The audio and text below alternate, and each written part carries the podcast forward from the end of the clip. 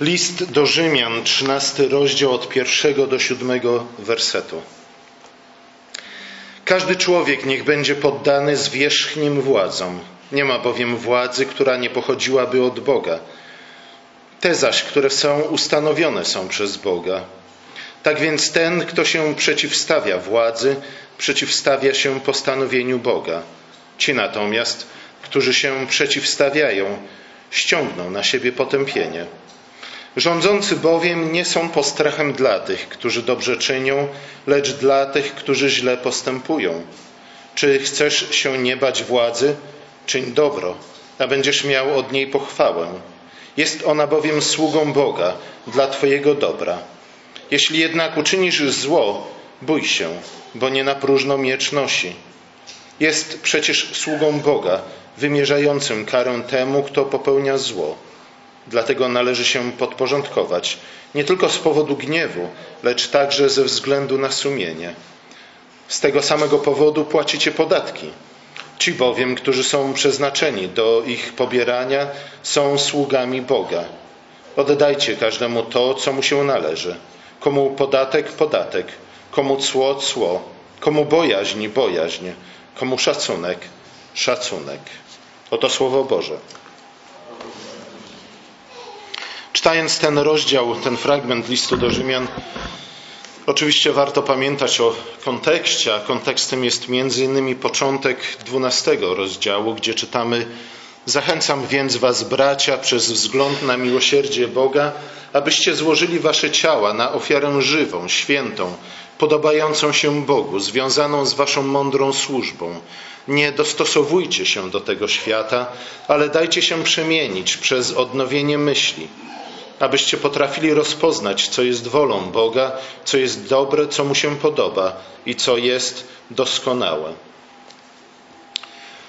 To znaczy, że ta przemiana umysłu, że ta nasza rozumna służba Bogu obejmuje między innymi kwestie, które apostoł porusza w 13 rozdziale, a także pod koniec 12 rozdziału, gdzie mówi o zaniechaniu osobistej pomsty.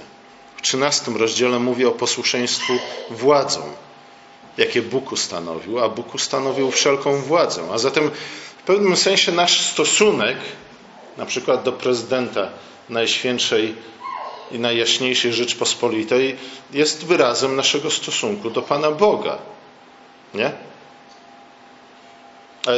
O naszej pobożności, o naszym zaufaniu Chrystusowi Świadczy nie tylko to, jak wiele czasu spędzamy na śpiewaniu mu psalmów i modlitwie do niego, ale także to, jak odnosimy się do władz, między innymi państwowych, a także miejskich itd., tak itd. Tak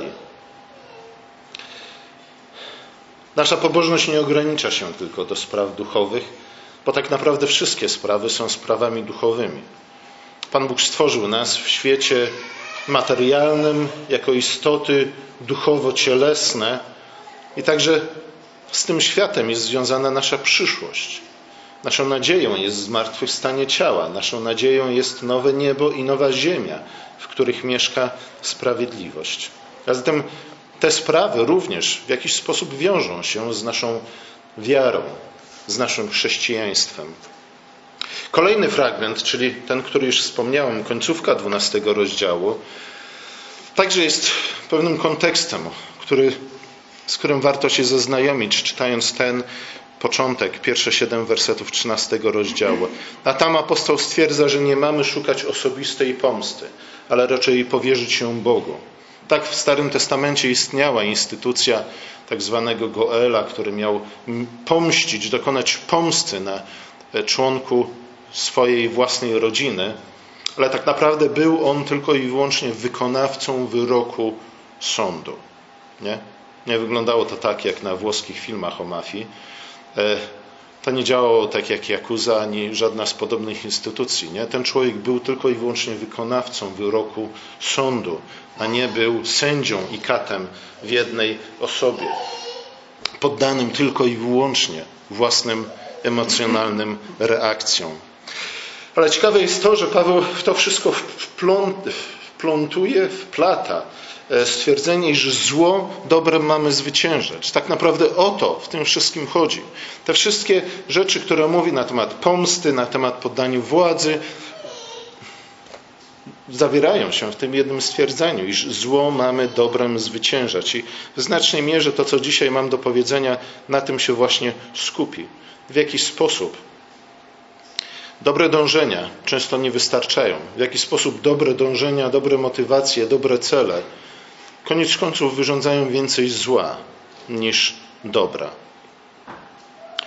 W pierwszych siedmiu wersetach rozdziału 13 Paweł dodaje, że właśnie po to Pan Bóg ustanowił władze ziemskie, aby były Jego narzędziem sądu. To im Pan Bóg wręczył miecz, aby wymierzać karę złoczyńcom, a z drugiej strony, aby nagradzać kogo? Tych, którzy dobrze czynią. Thomas Jefferson, zdaje się, że jakiś Amerykanin, Powiedział kiedyś coś takiego: Mądra i pożyteczna jest władza, która nie dopuszcza, by ludzie czynili sobie nawzajem krzywdy, a jednocześnie nie miesza się do ich pracy i nie zabiera im zarobionego przez nich chleba. I w znacznej mierze właśnie to jest ta nagroda, nie? która powinna nas dotykać ze strony władzy. Już nie miesza się w nasze sprawy, o ile nie stanowimy zagrożenia dla porządku publicznego. I ja wiem, że oczywiście każda władza sama dla siebie definiuje to, czym jest porządek publiczny. Ten porządek publiczny inaczej jest zdefiniowany we współczesnej Polsce, inaczej był zdefiniowany w starożytnym Rzymie, a jeszcze inaczej był zdefiniowany w stalinowskiej Rosji. Nie? E, ale znów, jeśli władza jest ustanowiona przez Boga, jeśli jest sługą Boga, to oczywiście powinna być odpowiedzialna przed Bogiem. Koniec końców powinna bać się Boga nawet bardziej niż zwykli mieszkańcy kraju. Powinna słuchać tego, co Bóg mówi i powinna przede wszystkim, przynajmniej raz w roku, zastanawiać się nad wszelkimi implikacjami, na przykład dekalogu. Powinna przynajmniej raz dziennie, każdego dnia czytać jeden rozdział z Księgi Przypowieści, aby nauczyć się mądrości i bojaźni Bożej, aby rzeczywiście aby rzeczywiście być dobrą i mądrą władzą. Pilnowanie sprawiedliwego porządku służy temu, aby społeczeństwo mogło normalnie funkcjonować, niezagrożone ani anarchią, ani korupcją. Nie? Tak naprawdę to jest zadanie władzy. Dobra władza ma za zadanie pilnować tego, żebyśmy żeby krzywdy zostały, przede wszystkim, żeby nikomu nie stała się krzywda, a jak już się stanie, to żeby krzywdy zostały wynagrodzone, wyrównane. Aby ci, którzy stanowią zagrożenie dla porządku publicznego, byli odpowiednio ukarani, a być może nawet izolowani od reszty społeczeństwa. O to chodzi. I po to też płacimy podatki, nie? aby ta władza miała z czego zapłacić porządnie, sowicie policjantom, sędziom i wojsku i tak dalej. Nie? O to chodzi. To jest jakby ogólna zasada i w gruncie rzeczy nie powinniśmy z nią dyskutować i jej kwestionować. Oczywiście zawsze pojawia się tutaj pytanie, no tak, nie? ale Paweł tutaj chyba mówi o władzy, która jeszcze nigdy na ziemi nie zaistniała. Być może poza krótkim okresem panowania króla Dawida i Salomona, nie? bo wszyscy inni władcy, wszyscy inni królowie, o których czytamy, nie za bardzo wyglądają na sługi Boże. Ale słuchajcie, pamiętajmy, w jakich czasach Paweł napisał te słowa. Napisał słowa w czasach, kiedy Neron był cesarzem Rzymu. Tak, ten Neron, którego znamy między innymi od Sienkiewicza. Nie? Oczywiście to nie były jeszcze czasy prześladowań chrześcijan. Póki co Neron jeszcze nie spalił Rzymu, ale Neron że tak powiem, był postacią, której, na którą raczej byśmy nie zagłosowali w wyborach prezydenckich. Nie? Neron lubił na przykład obiecywać obniżanie podatków, e, czego nigdy nie robił. Jeśli już, to coś przeciwnie. Nie, Neron już dał się poznać jako ten, który w przyszłości, mimo wszystko, spali Rzym i zacznie prześladować chrześcijan.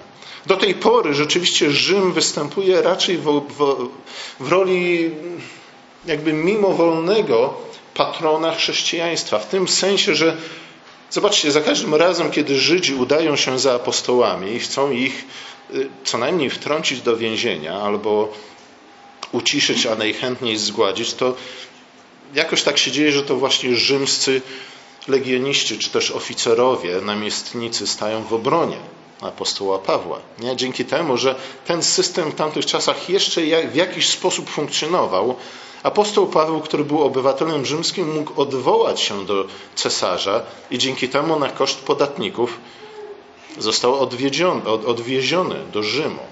Nie? Za darmo go zawieźli. A podróż w tamtych czasach do Rzymu była droższa niż lot z Warszawy do Tokio. O tym mogę Was zapewnić. Nie? Ten system, który w jakiś sposób jeszcze funkcjonuje. Nie? Być może dlatego Paweł pisze to, co pisze, ale z drugiej strony, nawet w tamtych czasach, ten system nie był systemem doskonałym. Bardzo daleko było mu do pełni Królestwa Bożego. Pamiętajmy, że to mimo wszystko z rąk namiestnika rzymskiego Chrystus zginął. Zgadza się? Nie? Ten sam Chrystus, który, jak dzisiaj już czytaliśmy, powiedział: Oddajcie cesarzowi to, co cesarskie. Zarówno Paweł, jak i Chrystus mieli wszelkie powody ku temu, żeby zbuntować się przeciwko władzy cesarza, a jednak tego nie uczynili. Dlaczego nie uczynili? O tym za chwilę. E, w pewnym sensie jednak ani Chrystus, ani Paweł, ani Piotr, ani inni chrześcijanie nie uznawali władzy cesarskiej albo wszelkiej władzy ludzkiej za władzę absolutną. Fakt, że ta władza jest ustanowiona przez Pana Boga, że wszelka władza jest sługą Boga, nie oznacza, że ta władza może czynić co chce. Kiedy Piotr stanął przed Sanhedrynem, a ten zabronił mu głoszenia Ewangelii, Piotr powiedział: Słuchajcie, tutaj doszliśmy do granic mojego posłuszeństwa, władzy, którą Pan Bóg ustanowił nade mną. Rozsądźcie, czy wobec Boga jest słuszne bardziej słuchać Was niż Boga. Nie? może przyjść w naszym życiu taki moment, w którym będziemy musieli dokładnie to powiedzieć i ponieść z tego wszelkie konsekwencje. Później w czasach Nerona dokładnie to spotkało bardzo wielu chrześcijan, którzy powiedzieli nie. Słuchaj Neronie, lubimy Cię, kochamy Cię, możemy przed Tobą salutować, nie? ale pewnych rzeczy jednak nie możesz nam zabronić, pewnych rzeczy nie możesz nam nakazać. Z drugiej strony pamiętajmy o tym, gdzie jest ta granica ponieważ zbyt często mamy tendencję do tego, aby przesuwać ją jednak o wiele dalej niż Pan Bóg ją ustanowił. Nie, podniesienie VAT-u o jeden punkt procentowy już jest dla nas czasami tą granicą, kiedy chcemy wy, wywołać rewolucję i obalić rząd. Nie, y, czy na pewno tak powinno być? Nie, y, nad tym pewnie warto się zastanawiać ale nie powinno to automatycznie wywoływać w nas takiej reakcji, jak reakcja Piotra, kiedy Sanhedryn zabronił mu głoszenia Ewangelii. To są jednak dwie różniące się między sobą sytuacje.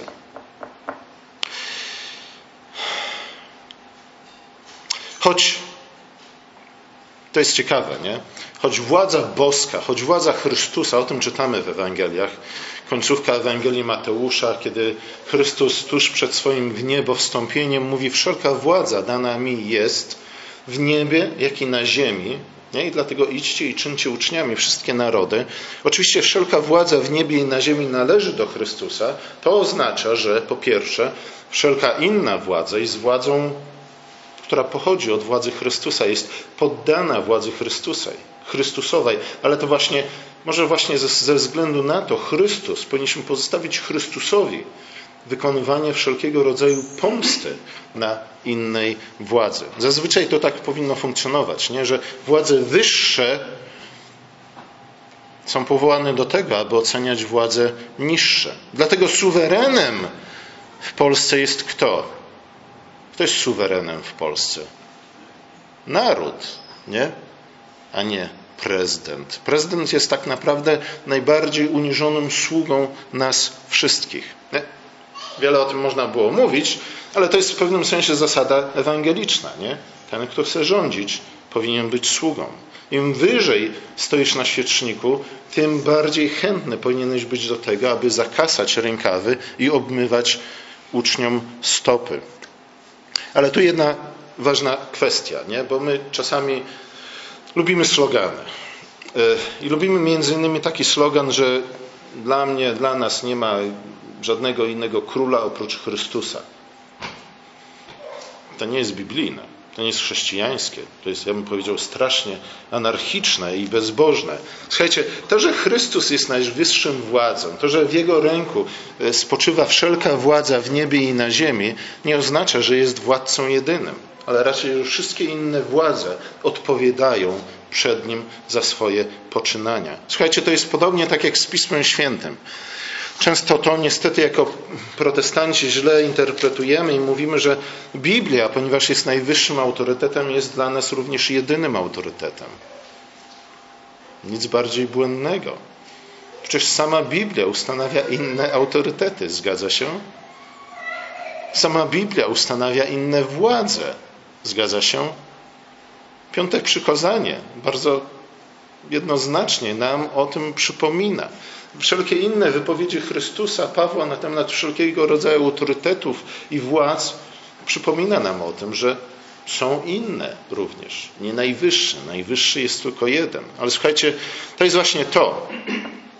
Inny, y, tym razem chyba już nie Amerykanin, Seneca młodszy, zdaje się, że jakiś łacinnik, powiedział: Tylko ten umie rządzić, kto umie być posłusznym władzy.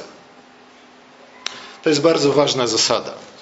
Nie? Nikt, kto wcześniej nie był sługą, nie powin, czyli innymi słowy, mówiąc biblijnie, nigdy nie był kapłanem, bo kapłan to sługa tak naprawdę, nie powinien stawać się królem, nie, nie powinien przejmować żadnej władzy. Jeśli uważamy, że wszelka władza jest zła i głupia, nie, oprócz oczywiście władzy Chrystusa i autorytetu Biblii, to najprawdopodobniej oznacza to nic innego niż stwierdzenie, że tylko ta władza tej władzy jestem gotów się poznać, poddać, która tak naprawdę ma swoje źródło we mnie. Nie? Tylko temu autorytetowi jestem gotów się poddać, który ma swoje źródło we mnie. Tak, mogę czytać Biblię i cytować wiele różnych fragmentów na, na co właśnie, nie? Na uzasadnienie moich przekonań, nie? Moich pragnień, moich dążeń. Słuchajcie, dlatego nie powinniśmy ograniczać się tylko i wyłącznie na przykład do prywatnej lektury Pisma Świętego. Nie? To jest część tego samego niestety nastawienia, które jest bardzo niebiblijne. Jeśli ograniczam się tylko i wyłącznie do prywatnej lektury Pisma Świętego, słuchajcie, to oznacza, że tak naprawdę tylko i wyłącznie wczytuję. Może nie tylko i wyłącznie, ale w znacznej mierze tylko wczytuję pewne moje idee do tekstu. Szukam tak naprawdę fragmentów, które by potwierdziły to, co już wcześniej sam uznałem za słuszne i prawdziwe. Jeśli nie ma w moim życiu żadnego Filipa, który by mógł przyjść, przysiąść się do mojego powozu i objaśnić mi ten tekst, to znaczy, że tak naprawdę nie wsłuchuje się w słowa Chrystusa. Nie, hasło tylko Biblia i nic oprócz Biblii, albo hasło Chrystus jest jednym, jedynym królem, a żadnego innego nie uznaję, to nie jest biblijna postawa. I zaraz Wam wyjaśnię pokrótce dlaczego. Paweł napisał na innym miejscu, że Bóg nie jest Bogiem nieporządku. Posłużyć tutaj słowem greckim akatastasia, które tak naprawdę oznacza rebelię, zamieszki, rozruchy. Nie? Innymi słowy, Bóg nie jest Bogiem buntowników, Bóg nie jest Bogiem rebeliantów. Bóg nie jest Bogiem tych, którzy, którzy wszczynają zamieszki. Oczywiście mówi tutaj, to jest 1 Koryntian 14, 33, a więc e, apostoł Paweł mówi tutaj o tym, w jaki sposób wyglądało nabożeństwo w kościele korynckim. Nie? I mówi tam o właśnie buntownikach, rebeliantach, tych, którzy wszczynają zamieszki i mówi, że Pan Bóg tego nie lubi. Ze względu na to, że On jest Bogiem pokoju. On jest Bogiem szalom. Słuchajcie, to jest właśnie ta zasada. Wojna jest przeciwieństwem pokoju. Tak, czasami wojna prowadzi do pokoju, ale najczęściej wojna prowadzi tylko i wyłącznie do zniszczenia. Nie? Do zniszczenia, do nieszczęścia, do zepsucia, do śmierci. wojna, każda wojna niemalże cofa wszystkich uczestników tej wojny w czasie, w rozwoju cywilizacyjnym, w rozwoju społecznym, już nie mówiąc nie, o tych wszystkich ofiarach niewinnych i nieszczęśliwych każdej wojny. W Koryncie pojawili się pewni ludzie, którzy chcieli zaistnieć nie? dzięki takim albo innym darom. E, skutkiem tego był chaos. Skutkiem tego była anarchia. I podobnie też chaos i anarchia społeczna tym razem są zazwyczaj skutkiem właśnie zazwyczaj wszelkiego rodzaju rebelii, buntu i rewolucji. Ale chaos i anarchia społeczna są tym, czego jednak powinniśmy chcieć unikać, ze względu na to, że to właśnie w stanie chaosu i anarchii zazwyczaj szerzy się zło, przestępczość, niepotrzebna śmierć i zepsucie. Zapaść społeczna nigdy nie jest niczym przyjemnym. Nie? Jeśli jeśli chcecie wiedzieć, co to oznacza, zapytajcie może waszych rodziców, jeszcze pamiętają, a może waszych dziadków, jeśli jeszcze żyją, jak to wyglądało nie? w czasach zapaści społecznej. Na przykład, kiedy zostaliśmy oswobodzeni przez naszych wschodnich przyjaciół. Akt buntu, czyli ta ak ak akatastasia, nie musicie tego pamiętać, mi też to trudno wymówić. Akt buntu, rebelii zazwyczaj jest aktem zemsty. Nie? przynajmniej w, w kontekście rewolucji, jest podyktowany chęcią ukarania tych, których uważamy za krzywdzicieli. Nie? Oczywiście najłatwiej jako na krzywdziciela wskazać albo na sąsiada, albo na tego, który sprawuje władzę. E, towarzyszy jemu bardzo często taka mglista nadzieja, że kiedy tylko pozbędziemy się naszych ciemiężycieli, to nastanie stan normalny, a być może nawet pełnia królestwa, że wtedy właśnie spotkają się ze sobą łaska i wierność, sprawiedliwość i pokój ucałują się. Wierność wyrośnie z ziemi, a sprawiedliwość wyjrzy z niebios. Ale słuchajcie, to jest iście bolszewicki sposób myślenia, że wystarczy usunąć przeszkody a wtedy nastanie raj. Biblia od samego początku mówi, że nie tak to funkcjonuje. Tak Pan Bóg pierwotnie osadził Adama i Ewę w, w ogrodzie rajskim, ale powiedział im, słuchajcie, ale w przyszłości zamieszkacie w mieście. Jak się dostaniecie z ogrodu do miasta? Nie? Oczywiście będziecie musieli y, odbyć podróż w czasie, poprzez historię. Ale nie chodzi tylko i wyłącznie o to, aby, aby poczekać i tam się dostać, bo w sposób naturalny to miasto Boże, ta nowa Jerozolima, samo nie powstanie, nie wyrośnie z ogrodu.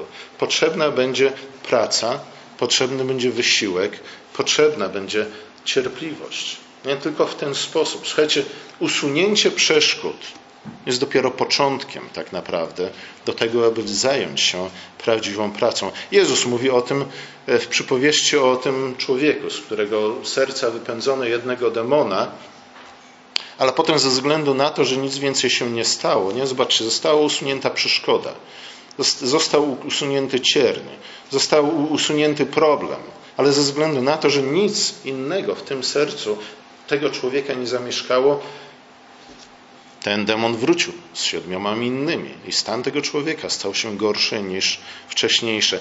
A zatem, jeśli już zaczynamy rewolucję, to musimy wiedzieć, że wypędzenie demona nigdy nie wystarcza. Po pierwsze, musimy we właściwy sposób e, zidentyfikować tego demona, abyśmy przypadkiem nie wypędzili anioła. A z drugiej strony musimy mieć jakiś nie tylko pomysł, a pomysł to coś więcej niż marzenie, ale także sposób i środki, a więc coś więcej niż pobożne życzenie, na to, co zrobić z tym sercem, z którego wygnaliśmy dopiero co demona. Bo jeśli nie wypełnimy tego serca dobrem, zło wróci i to w jeszcze gorszej postaci. W oczach Zachodu Józefa Konrada jest książką, która niestety nie znajduje się w kanonie lektur, ale, ale wszystkich bym zachęcił Was do przeczytania, jeśli jeszcze tego nie zrobiliśmy, choćby z tego względu, że to jest naj, jeden z najwybitniejszych polskich pisarzy, chociaż na polinistyce ponoć Konrada się kompletnie pomija, nie wiem dlaczego. Słuchajcie, to był człowiek, który wiedział, nie, czym jest zapaść społeczna. Doświadczył tego ze względu na to, że jego ojciec między innymi był romantykiem, a jako romantyk zaangażował się w powstanie styczniowe. Nie? E, możemy później sobie podyskutować na temat nie, polskiego romantyzmu i powstań takich, a nie innych, ale Konrad wiedział, że no niestety dobre chęci, dobre pragnienia, nie, żarliwe pragnienia poprawy bytu nie zawsze rodzą właściwe, pożądane skutki, czasami wręcz przeciwne. I właśnie tam w tej książce w oczach Zachodu pisze o tym, że oczywiście pisze o moralnym rozkładzie uciemiężonego społeczeństwa, w którego łonie najszlachetniejsze dążenia ludzkie, pragnienie wolności, gorący patriotyzm, umiłowanie sprawiedliwości, zamysł współczucia, a nawet wierność prostaczków wyradzają się w zaciekłą nienawiść i strach nieodłącznych towarzyszy uciążliwego despotyzmu. Słuchajcie, Konrad znał, podobnie jak Paweł znał, realia imperium. No, były dwa różne imperia, nie? trochę do siebie podobne, chociaż chyba jednak rzymskie tutaj mimo wszystko lepiej wyglądało w tym wszystkim. W tym porównaniu wypada lepiej. Nie? Y, I wiedział, że oczywiście tak, to jest despotyzm. Nie miał żadnej wątpliwości co do tego, czym są rządy carów w Rosji i co to oznacza nie tylko dla narodu polskiego, ale także nawet dla samego narodu rosyjskiego. Ale ponieważ był świadkiem, wiedział również to, do czego prowadzi głupi, nieprzemyślany bunt i zryw przeciwko porządkowi. Nie? Słuchajcie, w takich sytuacjach, w takich czasach niestety następuje bardzo często ogólne zezwierzęcenie ludzi. Nie?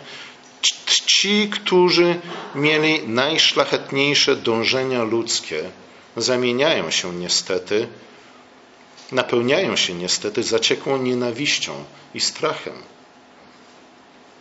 Nie?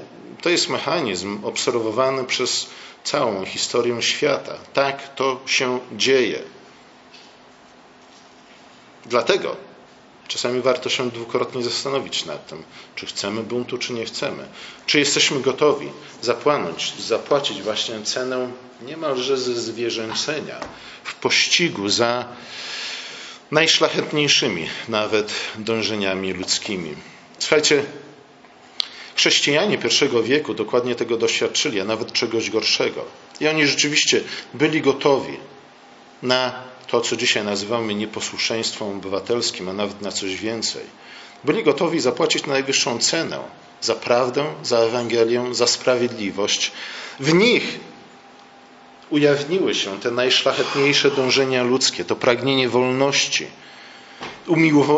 umiłowanie w sprawiedliwości, zamysł współczucia. Nie? Oni rzeczywiście powiedzieli nie temu jednemu z największych zbrodniarzy w historii ludzkości. Ale w jaki sposób powiedzieli to nie? Powiedzieli to nie jako męczennicy, którzy umierali za swoją wiarę. Nie? To jest w pewnym sensie schemat, jaki znajdujemy w pismach Nowego Testamentu.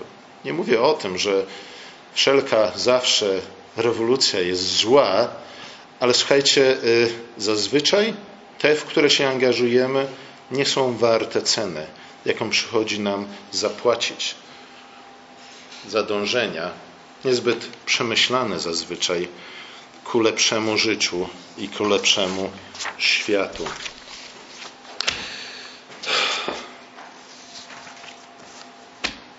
Chcesz rewolucji? Zacznij od własnego życia.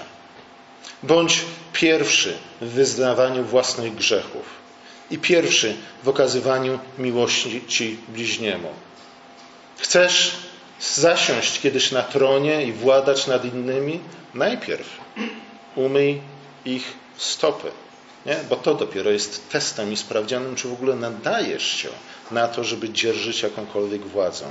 Traktuj innych tak, jakbyś chciał, żeby oni cię traktowali, zanim oni zaczną cię traktować tak, jak sam byś tego chciał. Nie? To jest ten prawdziwy, rewolucyjny duch chrześcijański. Nie zapominajmy o tym, co Paweł pisze zaraz po siódmym wersecie 13 rozdziału, nie? który jest dalszą częścią jego wywodów. Paweł mówi: Nikomu nic dłużni nie bądźcie, z wyjątkiem wzajemnej miłości. Nie? To jest właśnie ten ideał, który powinien nam wszystkim przyświecać. Tak, oczywiście. Na tronach zasiadają Neroni. Nie ulega to wątpliwości. Nie? Rządzą Stalini i tym podobni. Tak, VAT 23% jest niesprawiedliwy i niesłuszny. Nie?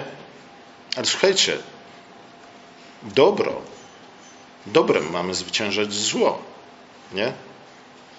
Zło dobrem mamy zwyciężać. Przede wszystkim mamy okazywać miłość bliźniemu i mamy okazywać pokorę w stosunku do Pana Boga. Nie mamy być tymi, którzy sprowadzają piekło na ziemię właśnie w nadziei jakiejś mglistej, bliżej nieokreślonej i zdefiniowanej, tej, że z tej pożogi, z tego podpalenia świata, do którego być może przyłożymy ręki, jakiś cudowny, samoistny sposób wyłoni się lepsza rzeczywistość. Nie. Jedynym sposobem, w jaki Królestwo Boże nastaje i przybliża się do nas, to jest właśnie to. Wyznawanie naszych, naszych grzechów, własnych, nie cudzych, i obmywanie cudzych stóp. Amen.